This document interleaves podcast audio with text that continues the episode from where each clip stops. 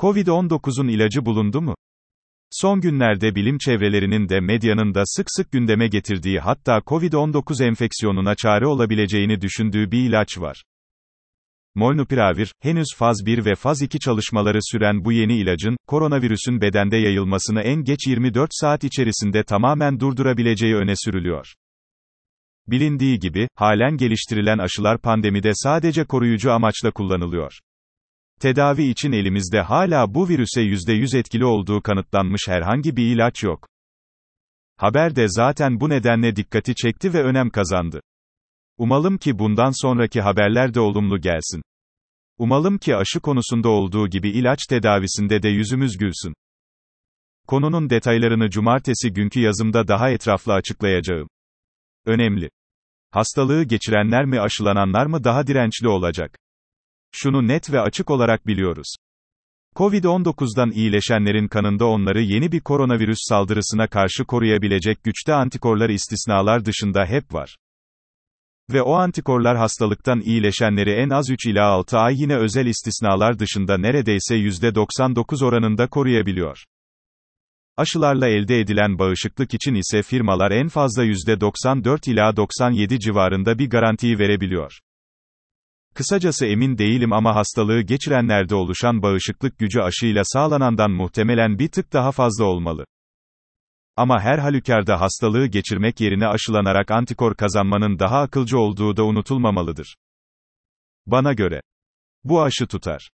Aşılar pandemi gündemimizin bir numaralı maddesi. Malumunuz, biz Çin aşısı olarak da bilinen Sinovac'ı tercih ettik. En az 50 milyon doz Sinovac aşısı, muhtemelen 25 milyon civarında vatandaşımıza uygulanacak. Gelelim detaylara. Sinovac aşısı bir ölü virüs aşısı. Uzun zamandır bilinen güvenilir yöntemlerle üretilen, yani, güvenlik konusunda bizi pek endişelendirmeyen bir aşı. Daha düne kadar en önemli handikabı faz 3 çalışmalarının tamamlanmamış, net etkinlik rakamlarının açıklanmamış olmasıydı. Birkaç gün önce o konuda açıklığa kavuştu. Aşının Endonezya'da tamamlanan faz 3 çalışmalarında %97 gibi mükemmel bir etkinliğe ulaşıldığı açıklandı. Kısacası sözü fazla uzatmaya gerek yok. Bu aşı güvenli ve etkilidir. 9. Cumhurbaşkanı rahmetli Süleyman Demirel'in deyimiyle, gonu kapanmıştır. Bir soru. Acil durumda acil karar. Eğer ortada bir pandemi varsa, yani acil çözümler gerekiyorsa sağlıkta da acil kararlar alınıp uygulanabilir. Zaten böyle olduğu için İngiltere BioNTech aşısı konusunda ne FDA'yı ne de EMA'yı beklemedi. Yani ne Amerika'daki ne de Avrupa'daki aşı meselesini yöneten karar verici kurumları dinlemedi. Önemli bir ülkesel karar verip BioNTech aşısını kullanmaya başladı. Ama yine bilelim ki kafamızda hala cevaplanmamış bazı sorular yok değil. O sorulardan biri şu. Tamam, biz bu aşıyı yaptıracağız. Peki acaba, o aşı bedenimizde bizi koruyacak miktarda antikor oluşturabilecek mi? Ve daha da önemlisi, acaba o antikorlar hiç olmazsa 3 ila 5 ay vücudumuzda kalıp bizi bu belalı virüse karşı koruyabilecek mi? Konuştuğum aşı uzmanlarının çoğunda da bu son iki cümlede yansıttığım tereddütler maalesef var. Onlar da şu soruyu soruyorlar. Ya aşı tutmazsa? Yukarıdaki iki sorunun net ve açık bir cevabı şimdilik yok. En erken de 6 ila 12 ay sonra alınabilecek. Ama gelin biz umuda sarılmaya devam edelim, eldeki kuş, daldaki kuştan daha iyidir. Deyip aşılardan istifade etmekte tereddüt etmeyelim. İyi bilgi. Bağışıklık eşittir antikor, değil. Her virüs hastalığında olduğu gibi COVID-19'da da saldırılara karşı bizi koruyan bağışıklık gücümüzü yalnızca antikorlara borçlu değiliz. Tamam, antikorlar çok önemli koruyucu silahlarımız.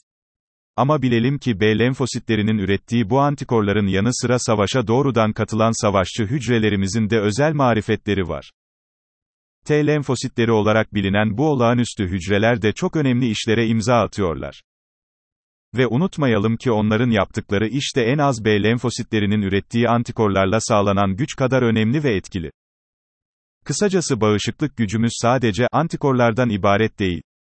Savaşçı askerler yani T lenfositleri de en az antikorlar kadar önemli işler görüyor. Hatırlatma. T lenfositler ne yapıyor? Bağışıklık sistemimizin önemli güçlerinden biri olan T lenfositler daha önceden karşılaştıkları herhangi bir mikropla ya da o mikropla enfekte olmuş hücreyle temas ettiklerinde onları anında tanıyabilen ve süratle yok etme gücüne sahip özel yetenekli savaşçı askerlerimizdir. Ben onları farklı yeteneklerle donatılmış bordo berelilerimize yani özel kuvvetlerimize de benzetirim. Bitmedi. T lenfositlerinin kendi aralarında da özel yetenekleri ile ayrıştırılmış, görevleri farklılaştırılmış bir yapılanma var. Mesela, bellek T hücreleri yabancı mikropların, işgalcilerin gelecekte de tanınmasını sağlayan hücreler olarak vazife görüyor. Sitoksik T hücreleri ise enfekte hücreler veya işgalci mikropları anında tanıyıp yok edebilen savaşçılarımız. Süreçte daha başka alt yapılanmalar da var ama işin özeti şudur. T hücreleri virüsleri tanımlayıp belleklerine kaydedebilen hücreler.